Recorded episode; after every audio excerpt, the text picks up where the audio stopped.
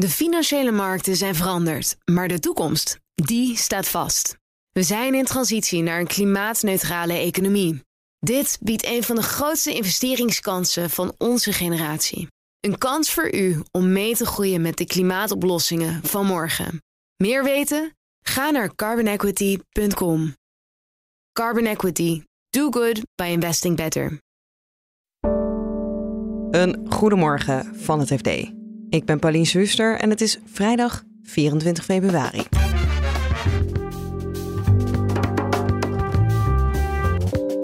De oorlog in Oekraïne is al een jaar bezig en nog steeds zijn de meeste westerse bedrijven niet weggegaan uit Rusland. Ja, als je echt weg wil, dan kun je daar natuurlijk weg.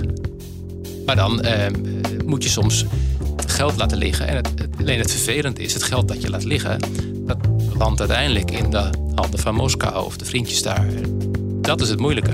De uitbater van de Amsterdamse beurs wil een Spaans fintechbedrijf kopen. En er komen steeds meer Engelse voetbalclubs in Amerikaanse handen. Om allerlei redenen, bijvoorbeeld. Dat zij denken dat die clubs uh, allemaal veel winstgevender zouden kunnen zijn als de Europese voetbalcompetities zich wat meer zouden aanpassen aan de manier waarop ook de Amerikaanse divisies werken. Dit is dagkoers van het FD. Het is precies één jaar geleden dat Rusland Oekraïne binnenviel en nog steeds zijn veel westerse bedrijven actief in Rusland. Van de Nederlandse bedrijven is 12% vertrokken, blijkt uit recent onderzoek waar economen vakblad ESB over bericht. Terwijl aan het begin van de oorlog het leek alsof alle bedrijven zouden vertrekken. Ik heb het erover met onze Haagse verslaggever Cor de Hoorde. Ja, grappig wat je zegt inderdaad. Bij mij was het ook zo achtergebleven dat iedereen uh, daar uh, de weg zou gaan of die belofte had gedaan. Ja, en dan ga je iets preciezer luisteren, dan is dat net niet helemaal wat ze gezegd hebben. Punt is natuurlijk, de meeste bedrijven willen daar gewoon weg. Maar ja, en, waarom blijven ze dan toch? Omdat het ongelooflijk moeilijk is om te vertrekken. Dat is eigenlijk wat ze allemaal vertellen. Toevallig vorige week zaten er drie van die bedrijven hier in de Tweede Kamer. Namelijk Dow Egbert, dat tegenwoordig GDI Piets, ING en Philips. En die, eh, die legden uit eh, hoe lastig het is om daar weg te gaan. En waar zit hem dat dan in? Waarom is dat zo ingewikkeld? Want ja, je zou misschien gewoon denken, je hebt een bedrijf en je zegt, ik wil hier niet meer zitten, doei. Yep. Alleen hoe? Uh, er zijn verschillende mogelijkheden. Bijvoorbeeld die Kamerleden vroegen aan Douwe Egberts van ja, maar Starbucks is ook weggegaan. Maar ja, Starbucks die hebben vooral gehuurde cafeetjes ja, als je die wil sluiten, dan sluit je die en dan ben je weg. Maar uh, als je natuurlijk echt iets produceert daar, die meneer van uh, de oude Egberts, noem ik het maar eventjes, die, die legde dat ook uit. Dan uh, heb, heeft de uh, Russische overheid ons te kennen gegeven. Als jullie dat doen, dan nemen we de hele boel in beslag. En het personeel wordt dan gedwongen door te werken.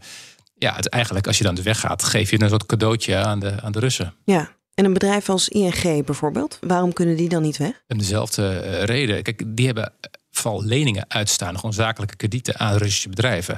Ja, dan als zij nu weg zouden gaan, betekent dat ze die, die, die leningen moeten opgeven. Ze geven dus geen nieuwe leningen meer uit en uh, doen verder niks meer. Maar ja, die oude leningen willen ze nog wel gewoon de, de, de rente en de aflossing terug hebben. Als je dat niet doet, dat, uh, Steven van Rijfwijk was zelf, dus de bestuurvoorzitter, was zelf naar de Kamer getogen om dit uit te leggen. Ja, als je dat niet doet, dan geven we eigenlijk een enorm cadeau uh, aan, aan, aan, de Russen. Ja, als ik jouw geld uitleen en, en, ik zeg, nou ga ik je straffen, je hoeft niet meer terug te betalen. Dat is een beetje een rare straf. En is hier vanuit de politiek dan ook wel, nou ja, willen ze graag dat die bedrijven toch vertrekken en ze daartoe bewegen? Of snappen ze wel dat die bedrijven ook een beetje, nou ja, het gevoel hebben dat ze vastzitten? Bij die betreffende bijeenkomst hield ze daar een beetje de kaak over op elkaar. Maar ze waren duidelijk wel zoekende van wat kun je dan wel doen. En iedereen ziet wel, het is gewoon niet fijn. Het is niet tegen de sanctieregels, maar het is wel tegen ja, misschien je geweten om dit uh, zo te doen. Want uiteindelijk, uh, gisteren waren de cijfers van het uh, CBS, Centraal Bureau van de Statistiek. Nou, dan denk je, nou, hartstikke mooi. De export naar Rusland is met 38% gedaald. Maar ja, dan hou je dus nog wel 62 over. En wat blijkt dan? Ja, een aantal zaken, met name voedsel, maar ook medische zaken, ook implantaten en zo, is juist uh, nog, zit nog een klein plusje in. Met andere woorden, en je kunt wel degelijk jezelf afvragen: van moeten we dit eigenlijk wel willen? Ook al vallen deze zaken niet onder de sancties. En ook al is het bedoeld voor gewone Russen, want je wilt juist ook gewoon het land als geheel treffen. Dus er zit wel degelijk een soort morele component in. Ja, uiteindelijk, als je bedrijven echt wilt dwingen, dan moet je het in een sanctie gieten. Ja, dus dan moet je gewoon zeggen, je mag niet meer actief zijn in Rusland. Ook niet als je Philips bent en medische apparatuur levert. Je moet gewoon daar weg. Precies. De afgevaardigde van uh, Philips die, die, die gaf het heel duidelijk te kennen in, in de Kamer. Wij leveren medische apparatuur. En er zit een, er zit een verschil tussen sancties en, uh, morele plicht. En ja, als wij stel dat wij moeten besluiten dat we het toch anders gaan doen, dat de medische apparatuur ook onder de sancties gaat vallen, dan moeten we het echt met z'n allen doen. Want het gaat hier om producten die ervoor zorgen dat, uh, dat zieke Russen, doodgewone mensen, niet per se soldaten aan het front, uh, dat die misschien komen te overlijden als wij daar gaan vertrekken. En, en dat besluit wil ik gewoon niet in mijn eentje nemen. Dat moeten we met z'n allen doen in de vorm van een sanctie. Nou, dus dat is natuurlijk een extreem voorbeeld als je echt een ziekenhuisapparatuur maakt. Maar dit geeft natuurlijk wel weer hoe moeilijk het soms is om daar weg te gaan. En, uh, dus dat is de ene kant. Er, zijn natuurlijk ook andere, er zit ook een andere kant aan. Uh, ja, als je echt weg wil, dan kun je daar natuurlijk weg. Maar dan ehm, eh, moet je soms geld laten liggen. En het, alleen het vervelende is, het geld dat je laat liggen, dat belandt uiteindelijk in de handen van Moskou of de vriendjes daar. En ja, dus dat is het moeilijke. Dit was Cor de Horde vanuit Den Haag. Wil je meer horen over een jaar oorlog in Oekraïne? Luister dan naar onze weekendpodcast De Week Voorbij van afgelopen week. Die vind je gewoon in de feed van Dagkoers of als je zoekt naar De Week Voorbij. En dan gaan we naar Euronext, de uitbater van de Amsterdamse beurs. Die heeft een miljardenbod uitgebracht op Allfunds, een Spaans fintechbedrijf. Beursredacteur Eva Schram vertelt wat het Spaanse bedrijf doet. Allfunds is een uh, soort marktplaats waar beleggingsfondsen gekoppeld worden aan financiële dienstverleners. En dan heb je het over banken of vermogensbeheerders, um, die op die manier dus uit een heel scala aan beleggingsfondsen kunnen kiezen. En dat is interessant voor de, degene die achter dat vermogensbeheerder of bank zit, uh, want dat zijn jij en ik als klanten. Ja, dus mijn, laten we even zeggen dat ik vermogend ben. Mijn vermogensbeheerder kan mij dan opeens meer beleggingsfondsen aanbieden, want dat krijgen ze dan via die uh, marktplaats. Ja, precies. Dus ja, de keuze wordt voor de eindklant, zeg maar, de eindconsument, uh, groter op die manier. En beleggingsfondsen die op die marktplaats staan, die worden aan veel meer klanten getoond, in feite. Ja, en waarom is dit een interessant bedrijf voor Euronext? Uh, nou, Euronext is al een paar jaar op overnamepad. Uh, maar dat heeft zich vooral gericht steeds op de beurzen. Dus het, ze hadden al de beurs van Amsterdam en Parijs en Brussel. Twee jaar geleden hebben ze ook de beurs van Italië overgenomen in Milaan. Uh, maar ze willen ook minder afhankelijk worden van de omzet die ze eruit halen. Dus zij, op die beurzen halen ze omzet uit de handel. Maar dat maakt nog een groot deel uit van hun omzet. En ze willen dat wat diverser maken. En dit is iets totaal nieuws voor ze. Maar heeft wel uh, een bepaalde logica, omdat uiteindelijk zijn de mensen die actief zijn op de beurs van Euronext ook vermogensbeheerders. Het zijn dezelfde klanten als Alphins heeft. Ja, en het is ook best een winstgevend bedrijf, toch? Ja, het is een winstgevend bedrijf. Dat is natuurlijk ook prettig. Ja, en is er een grote kans dat Euronext ook daadwerkelijk uh, het over kan nemen? Is het een goed bod? Nou, daar twijfelen analisten wel een beetje aan. De koers van Alphins staat de laatste, het laatste jaar ongeveer wel een beetje onder druk. Dus er wordt een beetje gekeken naar alsof Euronext nu daar ook een beetje opportunistisch op inspeelt. Ze bieden 5,5 miljard. En analisten denken dat het bedrijf eigenlijk wel zo'n 7,5 miljard waard is. Ja, en zijn er meer uh, kapers op de kust? Nou, en dat is ook een risico dat Euronext loopt. Uh, de Duitse beurs, die heeft eerder al interesse getoond in Allfunds. En het is zeker niet uit te sluiten dat ze nu denken, nou, misschien, uh, misschien moeten wij het ook weer eens proberen. Manchester United heeft al een Amerikaanse eigenaar. Arsenal ook. Liverpool ook. Fulham, Crystal Palace, Leeds, West Ham United en Aston Villa ook. Dus dat is uh, bijna de helft al. In december werd Bournemouth overgenomen, ook door een Amerikaan. Uh, en er staan nog twee clubs te koop. Dat zijn Everton en Tottenham Hotspur. De kans dat daar Amerikanen instappen is volgens de geruchten die daarover gaan ook best groot. Je hoort onze correspondent in New York, Lennart Sandbergen, die vertelt dat er al veel Engelse voetbalclubs in handen zijn van Amerikanen.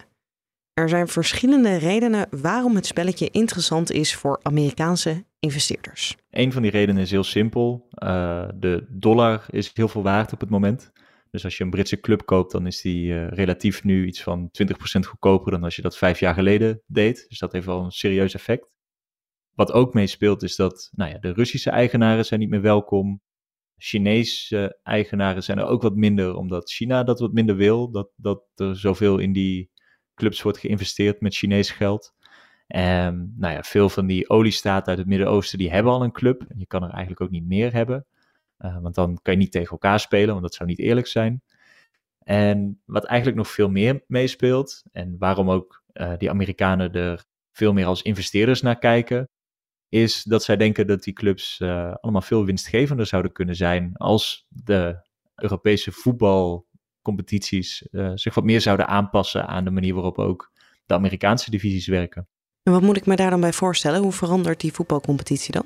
Nou, je hebt bijvoorbeeld in het uh, Amerikaanse honkbal en in het American football heb je eigenlijk een soort kartel van ook ongeveer 20 clubs. En het is onmogelijk om daarbij slecht presteren uit te degraderen. Dus uh, nou ja, als jij een jaar lang heel slecht speelt, nou, dan eindig je onderaan in de competitie. Maar dat maakt eigenlijk helemaal niet uit, want dan mag je als eerste kiezen welke van de nieuwe talenten die, die eraan staan te komen je, je wil hebben. Je krijgt ook gewoon eigenlijk dezelfde hoeveelheid geld als de nummer 1 uit de tv-rechten. En uh, op die manier blijft het niveau een beetje gelijk. En dat betekent dus ook dat je als eigenaar nooit het risico loopt dat, ja, dat je club opeens degradeert en daardoor veel minder geld binnenhaalt. Nou heb ik een tijdje geleden met onze collega in Brussel, Matthijs Schiffers, het gehad over de Super League. Waar ja. heel veel uh, nou ja, weerstand tegen was, vooral ook vanuit de fans. Dat was ook een beetje dit idee van topclubs die blij, gaan met elkaar in een uh, hele winstgevende league zitten. Maar dit klinkt niet als iets waar de Europese voetbalfans of de Engelse voetbalfans nou heel enthousiast van worden.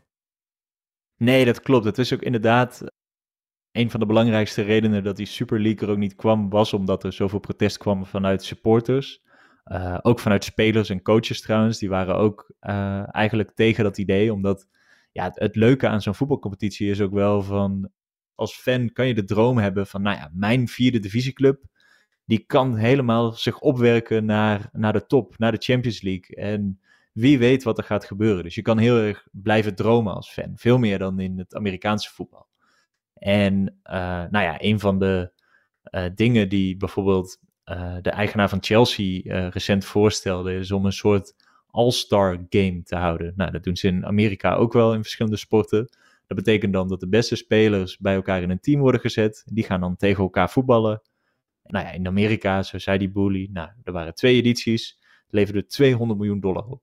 Uh, dus waarom doen wij dit ook niet, was een beetje de boodschap. Nou, hij werd natuurlijk meteen helemaal uh, afgemaakt, uh, verbaal in ieder geval, door fans en ook door spelers en coaches. Want dat, ja, dat past gewoon niet in, in de rivaliteit die, die, die, die er in de Premier League tussen al die clubs is. Ja, dus er komen wel straks meer Amerikanen uh, in het Engelse voetbal. Maar de kans is niet heel groot dat dit dan gaat werken, hoe zij het willen omvormen. omvormen of uh, schat ik dat dan verkeerd in? Ja, dat is toch moeilijk te zeggen, denk ik. Het is natuurlijk wel zo dat als op een gegeven moment al die clubs een eigenaar hebben die dit soort plannen hebben, ja, dan kan je toch uh, geleidelijk aan steeds meer van dat soort hervormingen doorvoeren. Uh, ja, de Premier League is ook de Premier League niet meer als, uh, als bijvoorbeeld 15 clubs zeggen van nou, wij gaan het anders doen. Dus op een gegeven moment hebben die clubs natuurlijk wel behoorlijk wat te zeggen. En als, ja, als zij allemaal denken dat ze op een bepaalde manier meer geld kunnen verdienen, ja, dan wordt dat toch wel heel risicovol. Maar het is daarbij ook wel gewoon, ook op de manier waarop de Premier League nu werkt, ja, er wordt gewoon wel gewoon heel erg veel geld verdiend. Um, en dat is bijvoorbeeld, nou ja, Manchester City is de best verdienende club. Uh, die heeft gewoon een omzet in 2022 van 731 miljoen pond. Uh, nou ja, en dat, dat laat wel zien hoe groot zo'n club eigenlijk is. Uh, vooral uitzendrechten leveren natuurlijk heel veel geld op. En dat is ook steeds iets wat alleen maar blijft groeien.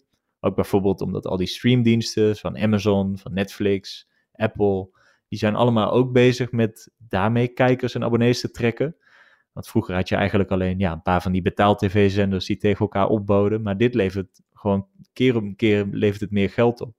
En zij verwachten ook dat die competitie steeds internationaler wordt. Dat ook veel meer Amerikanen ernaar gaan kijken. Dat ook vanuit China, vanuit India er steeds meer fans voor komen. Die ook allemaal een shirtje kopen die ook allemaal toch wel een keer naar dat stadion willen.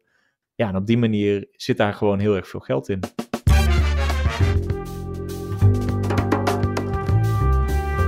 Dit was de dagkoers van het FD.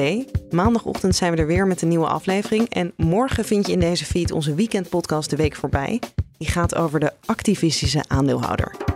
Alvast een heel fijn weekend en graag tot maandag. De financiële markten zijn veranderd, maar de toekomst, die staat vast. We zijn in transitie naar een klimaatneutrale economie. Dit biedt een van de grootste investeringskansen van onze generatie. Een kans voor u om mee te groeien met de pioniers van morgen. Meer weten? Ga naar carbonequity.com. Carbon Equity. Do good by investing better.